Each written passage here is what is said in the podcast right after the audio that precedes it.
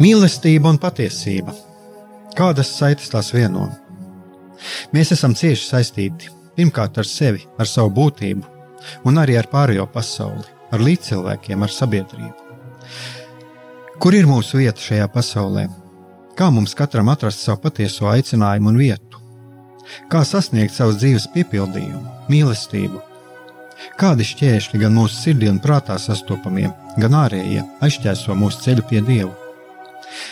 Šie jautājumi ir mūsu dzīves sastāvdaļa, svarīgi mūsu ceļā uz svētumu. Meklēsim šajā raidījumā kopā atbildes uz šiem jautājumiem. Ieklausīsimies, ko Dievs mums vēlas pateikt ar visu, ko sastopam savā dzīvē. Lai mūsu sirds un prāti atveras mīlestībai un patiesībai, raidījums mīliet cits citu.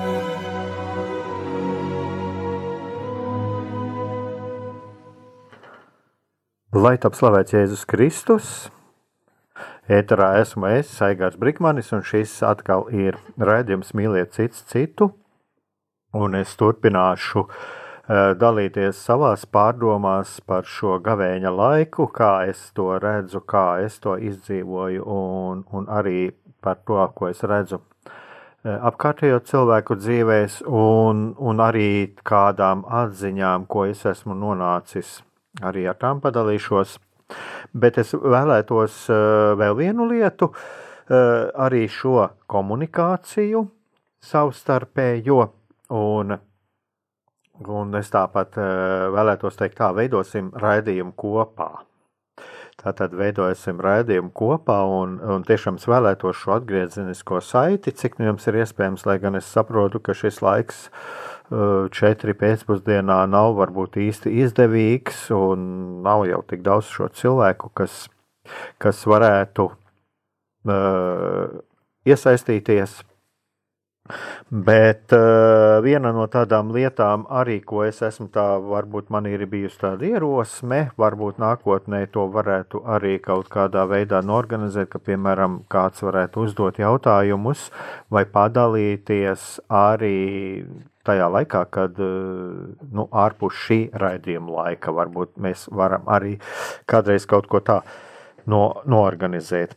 Bet tagad es vēlētos tātad nosaukt arī, kur jūs variet sazināties.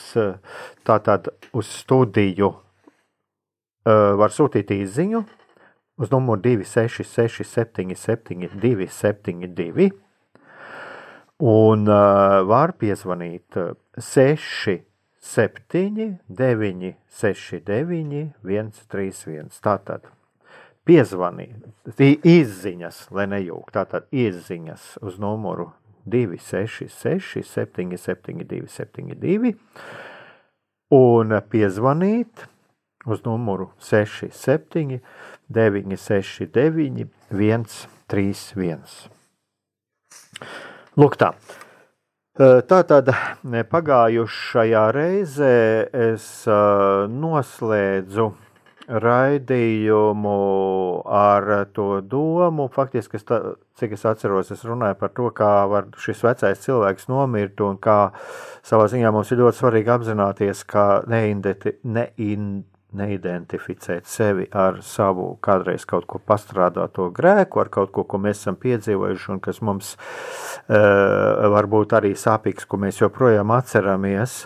Un, uh, ieminējos par tādu lietu, ka mēs varam iedomāties, kā būtu, ja mēs nonāktu tagad šajā situācijā, vai mēs vēl joprojām tā darītu, vai tomēr mēs tā vairs nedarītu. Un uh, savā ziņā tas ir saistīts arī ar šo patieso grēka nožēlu, kas mums ir, kas mums ir ļoti svarīga. Bet es vēl gribētu atgriezties pie vienā jautājuma, kuru, kuru kaut kā es jūtu, kad neizdevās līdz galam izrunāt, un eh, tās ir saistīts ar uh, dalīšanos, ar runāšanu. Un, un kāds klausītājs atsūtīja, tur bija tādi divi, cik es atceros, divi tādi piemēri. Ir viens ir tas, kad uh, otra cilvēka garīgā pieredze uh, man neder, uh, tas, tas bija viens, un jā, kuram es uh, savā ziņā kaut kur piekrītu, bet es arī paskaidrošu, ka, ko, kādā veidā viņi no, var noderēt.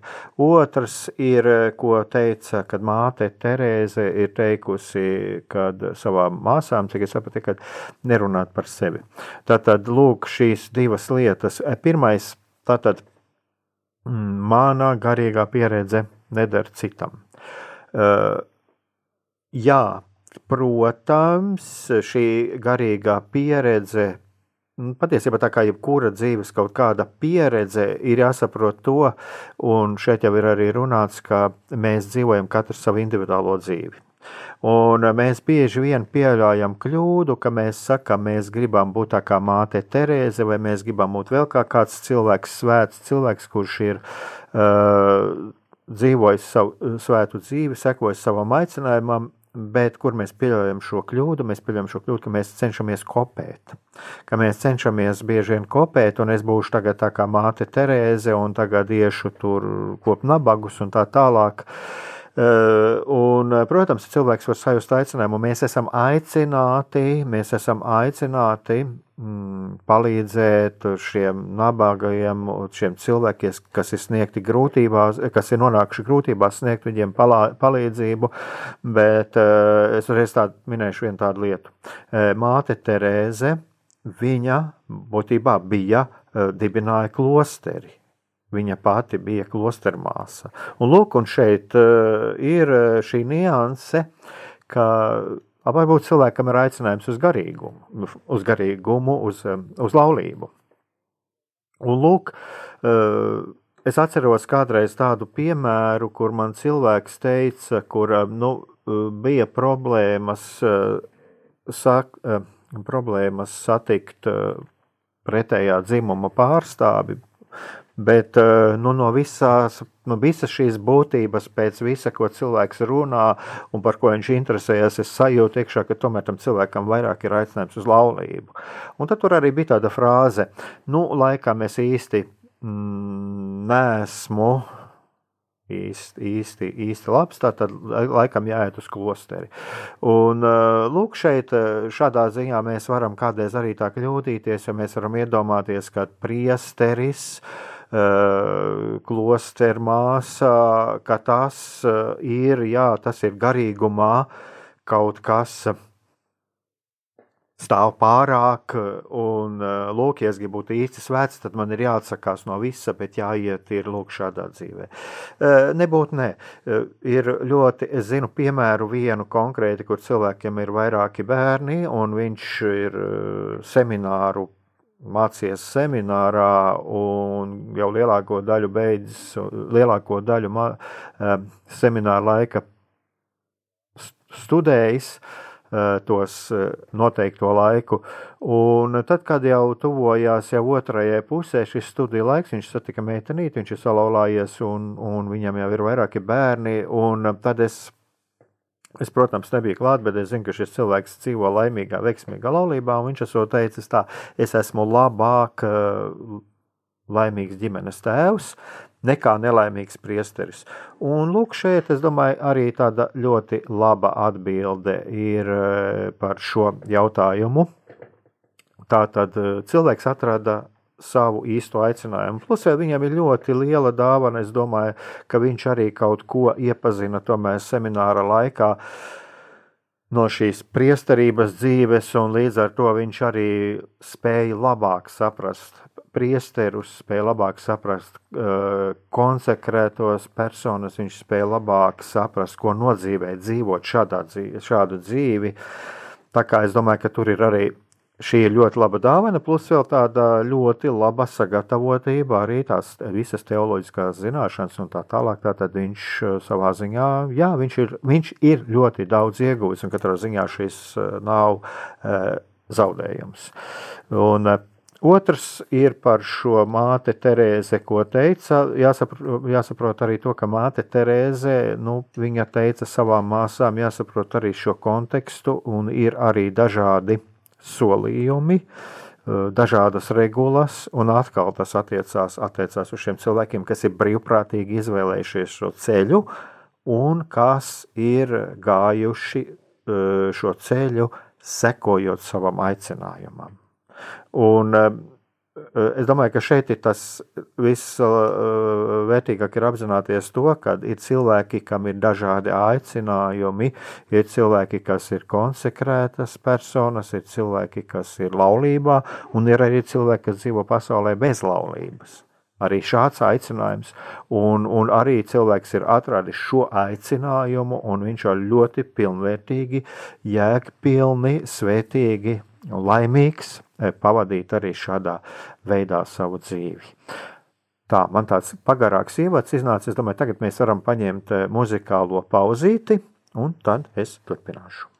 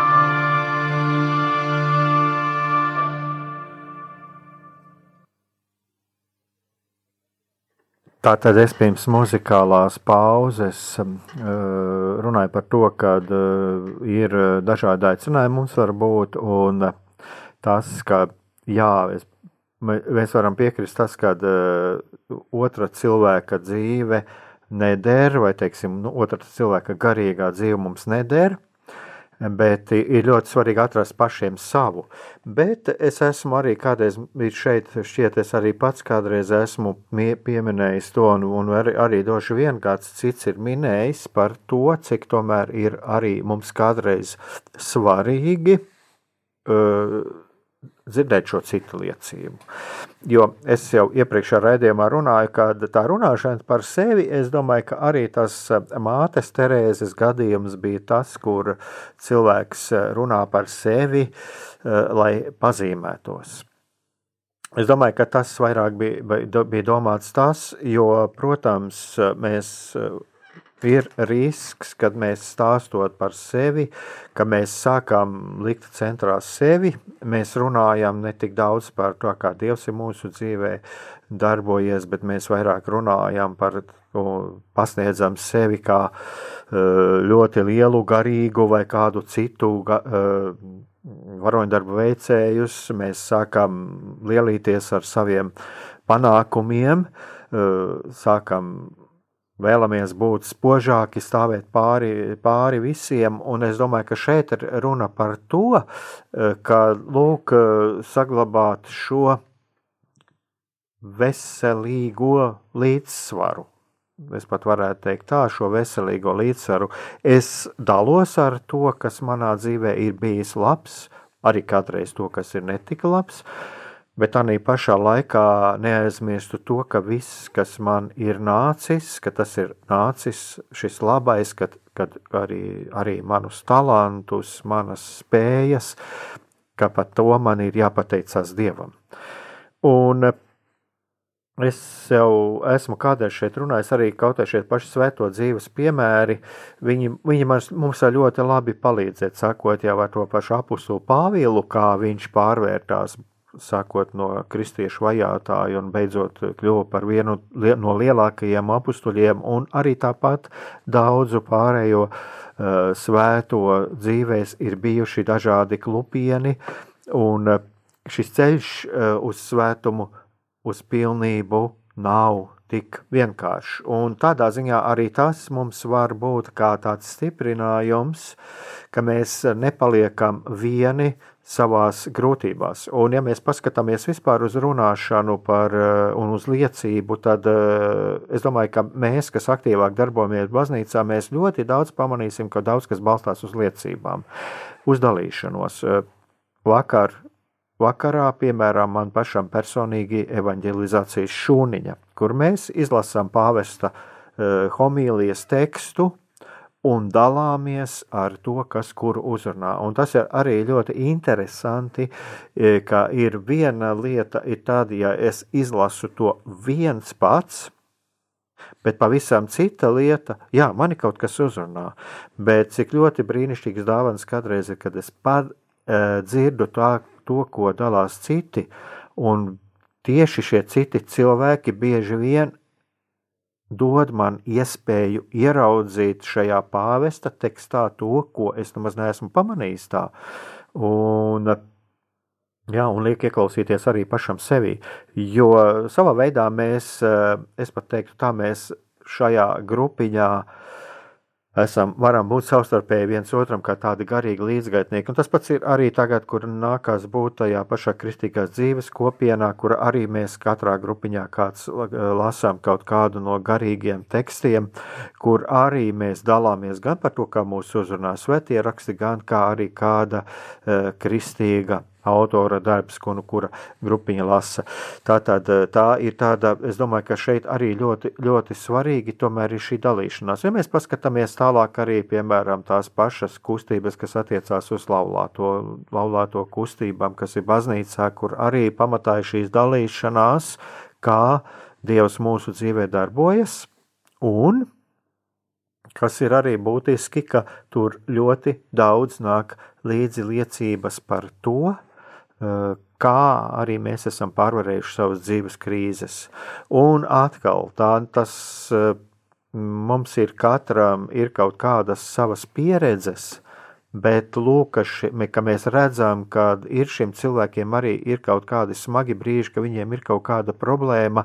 Pirmkārt, tas dod varbūt cilvēkiem pašiem padalīties ar lietām, ko, kas viņiem ir bijis kas viņiem šajā brīdī daloties arī vēl kā kārtējas atvieglojums, bet otrs, tas mums dod iespēju sajust to, ka mēs ar savu dzīvi, ar savām pieredzēm un arī ar tām uh, problēmām, kas mūsu dzīvē ir, ka mēs neesam palikuši vieni. Tātad es domāju, ka tādā, tādā ziņā tātad šeit ir tā, ja mēs paskatāmies, tad jau patiesībā arī šie evaņģēlīja vēsts nešana, nešana pasaulē, tas jau pirmais, tā ir mūsu pašu dzīves liecība. Un, protams, ka mēs to liecinam arī ar savu dzīvi, Eh, ar savu attieksmi, bet kādreiz ir ļoti noderīgi arī liecināt ar vārdiem, ar vārdiem par to, kas ir noticis dzīvē, kas ir noticis mūsu dzīvē un kā Dievs ir darbojies mūsu dzīvē. Un tagad es domāju, atkal varam paņemt kādu muzikālo pauzīti un tad varēsim atkal turpināt. Sā.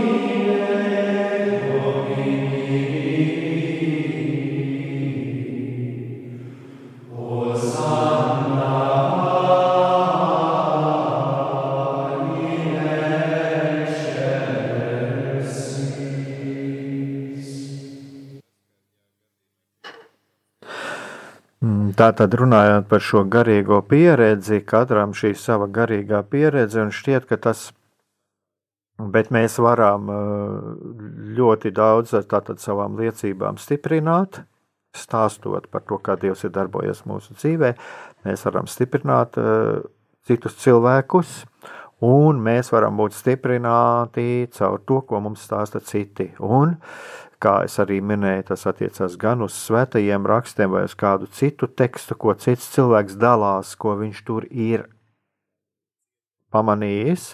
Eh, tas var palīdzēt arī mums ieklausīties sevī un, un arī sajust, eh, padomāt par to, kā šis teksts attiecās uz mums pašiem. Un es domāju, ka viena no tādām lietām, ko es arī pieminēju, piemēram, par to, ka mums ir bieži vien grūti, mm, grūti iedomāties Dievu kā mīlošu tēvu, tāpēc ka mums nav šīs pašiem savas pieredzes.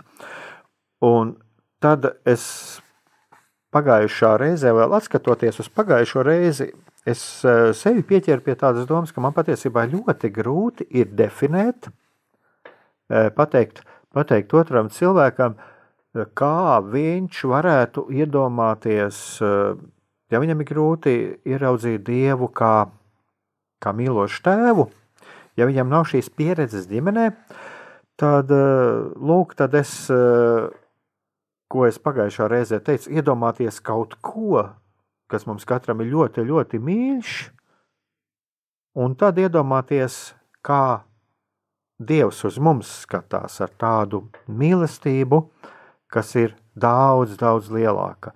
Un es eh, šodien, gatavojoties raidījumam, es mazliet tā pārdomāju pagājušo raidījumu, un es sapratu, ka arī droši vien šī nav tā īstā atbilde.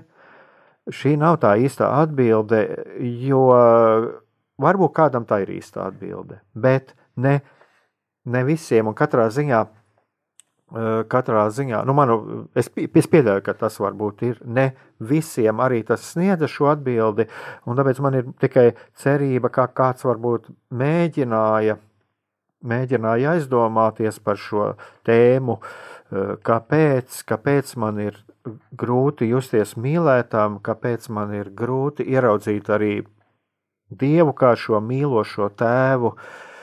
Es ceru, ka tas vismaz, vismaz ir kā pamudinājums. Un, un kāpēc tas sasaucās arī par to, ko es domāju, ko es runāju par šo iepriekšējo, kas pirms muzikālās pauzītes, ko es runāju, ka lūk, šeit arī mēs saskaramies, ka mums kādreiz kaut ko vajag definēt vai kaut ko Mm, jā, pat kaut ko ieteikt, mums, mums tas nemaz nav tik vienkārši, jo mēs kādreiz sajūtām sevi iekšā kaut ko tādu, ko mēs vārdos pat nevaram izteikt. Bet uh, ir uh, cita lieta. Uh, es atgriežoties vēl mazliet pie pagājušās reizes, es šeit runāju par tādu pozitīvā, pozitīvā lietā, ņemot sev, sevis vainošanu, eh, par ko rakstīja pāvests Francisks pirms kāda laika, un kad manī radās, arī manī varēja rasties šīs, radās nedaudz tāds pretestība, ko nozīmē sevi vainot un atrast sevi vainu, tad eh, Tā, es domāju, arī tāda ļoti vērtīga viela, viela pārdomām, bet lūk, šis jautājums, kāpēc, no kurienes manī rodās šī pretestība, kad uh, mēs tiekam aicināti arī no baznīcas izmeklēt kādreiz savu sirdsapziņu ieraudzīt savu vainu, kuru nolikt Dievu priekšā, un kur nu vēl uh, tāda lieta kā sevis vainošana, kas pats par sevi, uh, es pat domāju tā, ka es uzdrošināšos šajā ziņā teikt, ja, ja mēs cilvēkam, arī kristietim, arī praktizējošam katolim ieteiktu vainot sevi, uh, savā ziņā tas varētu pat būt ieļaunojams. Un uh, kur ir tā problēma? Tā problēma ir, es domāju, tur, ka lai cilvēks varētu tiešām veselīgi, objektīvi apzināties arī savu vainu un uz šo vainu paskatīties, eh, viņam vispirms jājūtās mīlētam. Viņam vispirms ir jājūtās mīlētam, un viņš var būt mīlēts kādā veidā. Viņš var būt mīlēts sākot no ģimenes, no vecākiem, lielākā problēma ir tad, ja lūk, viņš, šis cilvēks nav šo mīlestību, šo izpratni, šo mīlošo audzināšanu, mīlestībā balstītu audzināšanu un arī atbalstu tajās dziļā, dziļākajās sirds vēlmēs, ko, ko Dievs ir ielicis cilvēkam. Ja viņš nav ģimenē šo no vecākiem saņēmis, nu, tā ir arī viena no tādām problēmām, kur cilvēkam ir ļoti grūti, ļoti grūti sevi iemīlēt, un ja viņš jau tā nav sevi iemīlējis, tad runa par kaut kādu grēku, par viņa grēku, eh, manuprāt, arī var būt, viņu pat var attālināt no, attālināt no Dieva, un eh, viņš vairs nevis skatās Viņš, viņš vēl joprojām neskatās uz Dievu kā uz kādu mīlošu uh, tēvu, kas apzinās viņu, kas mīl viņu ar visu viņa, viņa grēku, kas redz viņu pilnībā, bet vienalga mīl. Bet viņš saskata kā dievu, kā kādu prasīgu tirānu, kurš no viņa prasa vēl un vēl, vēl un vēl pienākumus, vēl un vēl sist pieri pret zemi, nožēlot grēkus, bet viņam joprojām ir grūti noticēt, ka viņam šie grēki piedoti. Un tātad viens tas ir ģimene, Otrs, otrs tas ir mēs e, paši, līdzcilvēki, kas esam viņam blakus, šim cilvēkam, kuri varbūt jau tas varbūt jau kaut kādas skolas laikā nāk no kāda saprotoša pedagoga, no kāda līdzcilvēka. Cilvēkam tālāk pieaugot, tas var būt arī kāds brālis, māsa Kristū, uh, kas var būt blakus šim cilvēkam un pieņemt viņu tādu, kāds viņš ir, eh, uzklausīt viņu, uzklausīt un nenosodīt arī tad, ja cilvēks stā, dalās par kaut kādām lietām, kas viņam ir sāp un ko viņš pats ir, var, ko viņš pats ir sagrēkojis. Kurš ir netik daudz uzklausītājs, ne, netik daudz pamācītājs, padomu devējs, bet kā tas, kurš cenšas otru saprast, un kurš otru pieņem un respektē ar to, kāds viņš visā pilnībā ir. Un, lūk, un tāpēc es arī tā kādreiz šķiet, es arī šeit ir runāts par to jau iepriekšējos raidījumos, ka ir tātad pirmais, kas ir ļoti svarīgi, lai cilvēks jūtās pieņemts, lai viņš jūtās pieņemts, mīlēts, sap, saprasts un respektēts ar tām vēlmēm, ar tām sirds ilgām, kas viņā ir ieliktas. Un savā ziņā mēs arī varam palīdzēt šim cilvēkam atklāt, atklāt to, ko viņš ir sevī e, dziļi paslēpis, jo viņš vienkārši nav bijis uzklausīts, un kaut kādā viņa dzīves situācijā varbūt arī nav ticis respektēts tas, pēc kā viņš savas sirds dziļumos ilgojas. Un tagad atkal paņemsim kādu muzikālu pauzīti, un tad es turpināšu.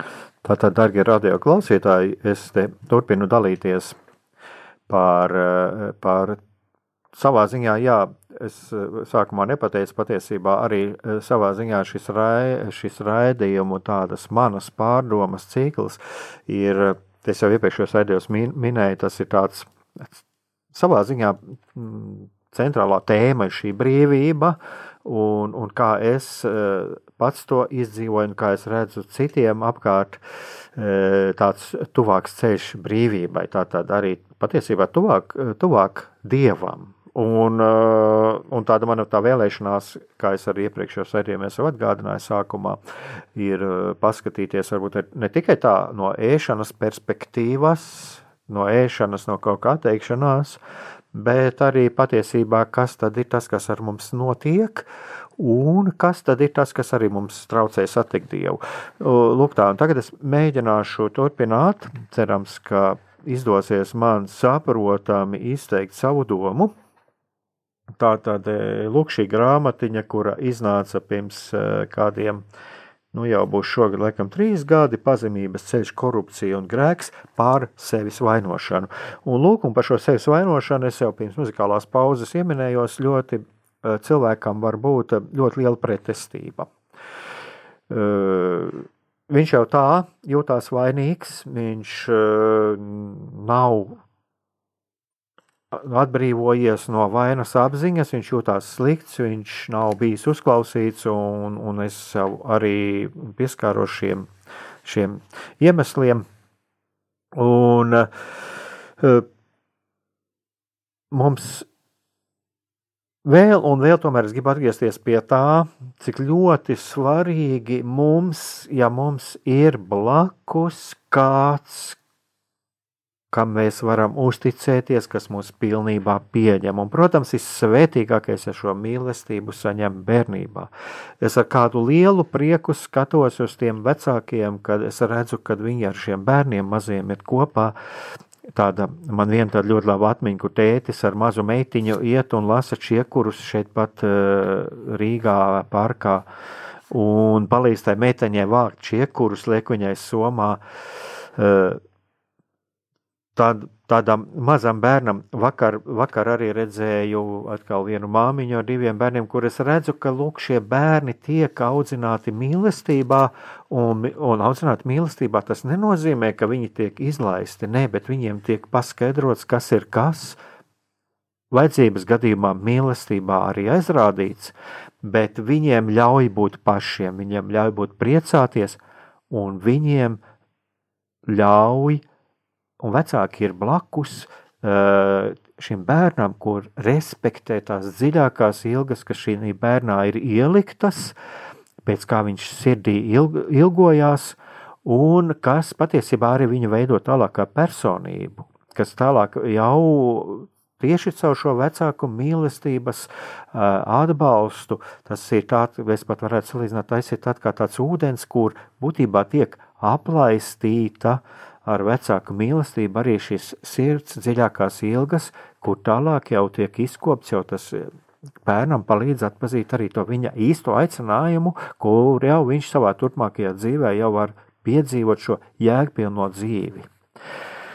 Bet tagad atgriežoties pie šī tēmāta par, par šo sevis vainošanu, nu kā tas tā ir, ka pāvests runā par to, ka nu, mums arī reizēm vajadzīgs ir, vajadzīgs ir ieraudzīt šo savu grēku un sevi vainot, tad uh, tomēr mazliet vēlos pie tā atgriezties, un es arī tādu uzmetumu uztaisīju jau pirms raidījuma.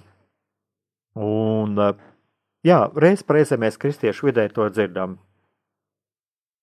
Nožēlo grēkus, lūdz grēku piedošanu, Un, eh, nu, jā, tu esi sagrēkojis, un eh, tā kā ej pie grēksūdzes, un, un vairs negrēko. Un es domāju, ka šeit uh, varbūt arī nav īsti tā vietā, varētu mēs atsaukties, ko Jēzus teica šai laulībā pārkāptē, laulības pārkāpējai, bet šis jau nav īsti tas gadījums, par kuru es gribu runāt. Un Es, jo, jo kādreiz ir, jā, mums ir ļoti svarīgi kādreiz cilvēkam arī pateikt, nu, tu sagrēkoji un nu, negrēkoji, jā, kādreiz vajadzīgs arī pateikt, nu, varbūt aiziet pie grēksūdzes. Bet tagad iedomāsimies tādu situāciju, ka cilvēks atnāk pie mums, viņš vēlās atbalstu, un viņš jau atnāk ar jau tā, jau ar savu dzīves nastu, viņš atnāk piedzīvojis nodevības, pāri darījumus, mm, nesaprasts. Tālāk viņš ir sagrēkojis, viņam ir kāda atkarība, viņš jūtās vainīgs. Un tagad iedomāsimies, ja šis cilvēks atnāk. Es domāju, ka mm, šādos gadījumos mēs e, nevaram viņam aicināt viņu uz kaut kādiem īpašiem garīgiem varoņdarbiem. E, šādā gadījumā šim cilvēkam ir jāatrod tas, kas viņu stiprina tas, kas viņam um, dod kādu spēku, kas viņam dod kaut kādu cerību, uh, kaut kādu iepriecinājumu, un tā tad viņam ir jāiedod kaut kāds gaismas stariņš ko šajā gadījumā pat man ir grūti nosaukt. Tas ir jāatrod kaut kas, kurā vietā, kur, kur viņa dzīvē ir bijis Dievs pagātnē, kur viņa dzīvē ir Dievs tagad. E, ieraudzīt kaut ko, kas ir skaists un labs viņam šajā situācijā, šajā viņas dzīves situācijā. E, palīdzēt viņam ieraudzīt kaut vai caur kaut kādu caur tiem talantiem, caur to, kas viņam ir, ieraudzīt viņa turpmāko dzīves ceļu, tātad ieraudzīt viņam šo skaisto. Un eh, šeit ir eh, šis galvenais stiprinātājs cilvēkam var būt tikai un vienīgi mīlestība. Un, un, un šie, šajā gadījumā, ja viņš ir atnācis, ja viņš Dievs ir līdz viņa mūsu, ceļa priek, mūsu ceļā, tad es domāju, ka tas pats galvenais, ko mēs varam viņam dot, tas ir mīlestība. Tad mēs mīlestībā šo cilvēku pieņemam. Mīlestībā viņu pieņemam un, uzklausām un esam viņam blakus. Jo, ja mēs runājam par garīgajiem varoņdarbiem, jūs droši vien, varbūt, ja jūs klausījāties, jūs atcerāties, ka kādreiz e, šis garīgais varoņdarbs var pat būt atteikšanās no kaut kāda stereotipiska pieņēmuma, un es pat teiktu tā, e, pārvarēt sevi un gavēņa laikā pret sevi ar kaut ko palutināt nevis atteikties, bet tieši šķie, otrādi. Un, un, es, un cilvēks varētu domāt, ka tā ir kaut kāda ļoti liela pretruna, bet patiesībā arī tā ir atteikšanās no kaut kā. Tā ir atteikšanās uh, no nepareiza priekšstata par sevi, un tā ir atteikšanās no sevis nemīlēšanas. Pirmais solis, pirmais solis ceļā uz sevis iemīlēšanu. Un es domāju, ka viens no tādiem garīgiem varoņdarbiem, kas ir ļoti daudziem cilvēkiem, var būt tieši, uh, un tas varētu būt tiešām tāds garīgs varoņdarbs, tas ir uzticēties mīlestībai. Uzticēties mīlestībai, atvērties mīlestībai, pieņemt, pieņemt to, ka kāds mani mīl, un ļauties šai mīlestībai. Tas ir ļauties mīlestībai no kāda cilvēka, varbūt, kas, kuras uh, cilvēks ir jūtis. Tas cilvēks viņam ir bijis mīļš, bet ir ļoti, ļoti bail bijis atvērties šai mīlestībai, jo pieņem bijis ļoti liels uh, ievainojums, noraidījums kādreiz. Pieņemt mīlestību no citiem. Un es domāju, ka tas ir viens no tādiem soļiem, pirmajiem soļiem, kas, kur jāpalīdz cilvēkam, varbūt ir. Uh, un šeit pieņemt, mācīties, pieņemt to, ka es esmu mīlams, un pieņemt mīlestību no citiem. Jo cik nav nācies, piemēram, saskarties, kad man pašam ir bijis pieredze, ka cilvēks teica, bet es neesmu, neesmu cienīgs laulībai kā mani var mīlēt. Vai arī man bail ir iesaistīties kādās attiecībās un bail vispār iedomāties par laulību, jo es esmu piedzīvojis ģimenē kaut kādu sāpīgu pieredzi, vai arī nu, kā var man mīlēt. Un tas attiecās ne tikai varbūt arī uz šīm cilvēciskajām attiecībām, bet arī caur šīm cilvēciskajām attiecībām. Tad tālāk, ja mēs iemācāmies arī apzināties, jo mēs sajūtam, ka Dievs ir tas, kas mūs mīl. Un, lūk, es domāju, ka šeit ir tā īstā, varētu mēs arī atrast varbūt šo atbildi, kāpēc mēs uzreiz, un es atkal uzdrošināšos to teikt, ko es pirms kādu laiku esmu teicis, ja man pat ir bijis kādreiz gadījumi, kad cilvēks, kad viņš izstāsta par kaut kādu lietu, kas tiešām nu, ir objektīvi ņemot, ir, e, ko varētu nolikt pie grēksūdzes, bet es viņam neiesaku iet uz grēksūdzi, jo viņam vispirms ir jāsajūtās mīlētam. Jo viņš pats aizies, viņš ir apzinājies, bieži vien cilvēks pats aiziet. Bet uh, viņam ir visā pilnībā ir jāsajūt to, ka Jā, viņam ir jā, viņš apzinās, ka šis grēks, bet lai viņu šis grēks vēl vairāk un šī grēka apziņa nenogremdētu, viņam ir jāapzinās, ka viņš ir, ka viņš ir tiek mīlēts. Un ka varbūt jau tas, ko cilvēks ir izstāstījis man, ka es viņu par to nenosodu. Tā ir tā viena lieta. Otra lieta, kas ir ļoti svarīga, ka viņa aicinājums, vienalga vai tā ir kāda profesionālā izvēle, vai tas ir aicinājums uz laulību, vai tas ir aicinājums uz konsekrēto dzīvi, ka tas ir svēts. To, ko Dievs ir viņam ielicis, tas ir svēts. Un lūk, tās ir tās, un patiesībā jebkuras viņa ilgas, jebkuras sirds ilgas, kas šķiet pat varētu būt kādreiz tādas šķietami sadzīviskas, ka tas ir kaut kas, kam, jā, kas pēc būtības morāliska laba lieta, kam viņš var sekot, kam nav jābaidās, ka, tātad, ka viņš ir pieņemts, ka cilvēks ir mīlēts, ka viņš ir uh, brīnišķīgi radīts ar visu viņa būtību, ar visu, kas viņā ir gan to, kas, eh, kas viņam arī sevī patīk, gan arī ar to viņš ir pieņemts, kas viņam varbūt sevī nepatīk, ar ko viņš cīnās. Bet tas ir arī viņa garīgās dzīves ceļa sastāvdaļa. Un eh, šeit, šeit es domāju, šeit ir tas, uz ko ir vērts paskatīties, vai es sevi pietiekami mīlu, vai es eh, redzu, kā es, kādu es redzu Dievu, un tad, jo vairāk es būšu sevi iemīlējis, jo vairāk es jutīšos mīlēts. Jo vairāk es jutīšos mīlēts no cilvēkiem, jo vairāk eh, es jutīšos mīlēts no Dieva. Un, un, un šeit ir tas, par ko es jau runāju, ka ļoti skaisti, ka ģimenē aplē ar šo mīlestības, mīlestības ūdeni, eh, lūk šo cilvēku aicinājumu ar visu šo cilvēku, eh, cilvēka būtību, ka viņi, tie, ka viņi ir aplaistīti ar šo mīlestības ūdeni, ar šo mīlestību, ka cilvēks sajūtās mīlēts, kad viņš ir arī šādā veidā ir rūdīts, savā veidā norūdīts arī caur šo mīlestību, stiprināts.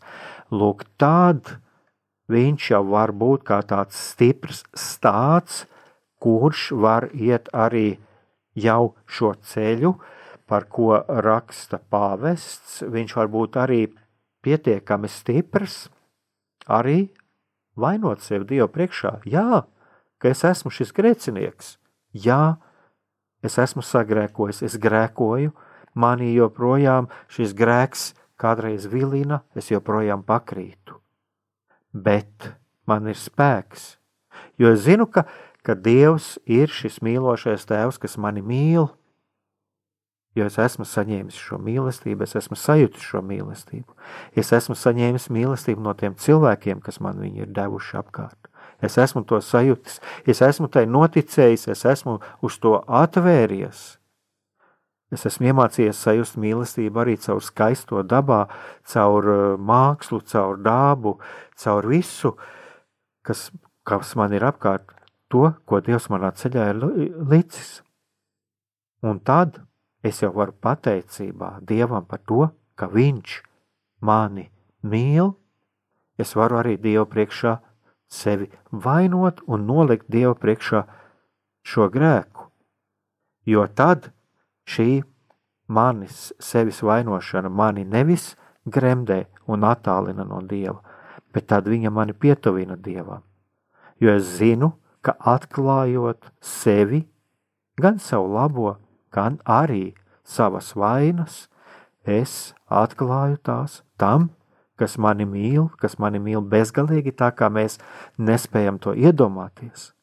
Un atklājot šīs savas vainas, es tikšu stiprināts, es tikšu dziedināts, un es iešu pretim ar vien lielākai un lielākai brīvībai. Būtībā es eju pretim savas dzīves aicinājumam, es eju pretī svētumam.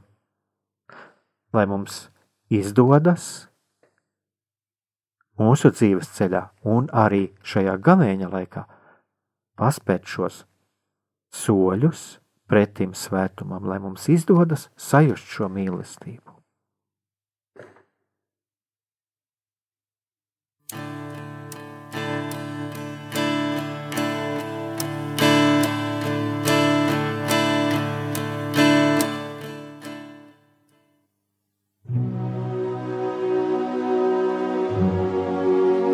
Mīlestība un patiesība.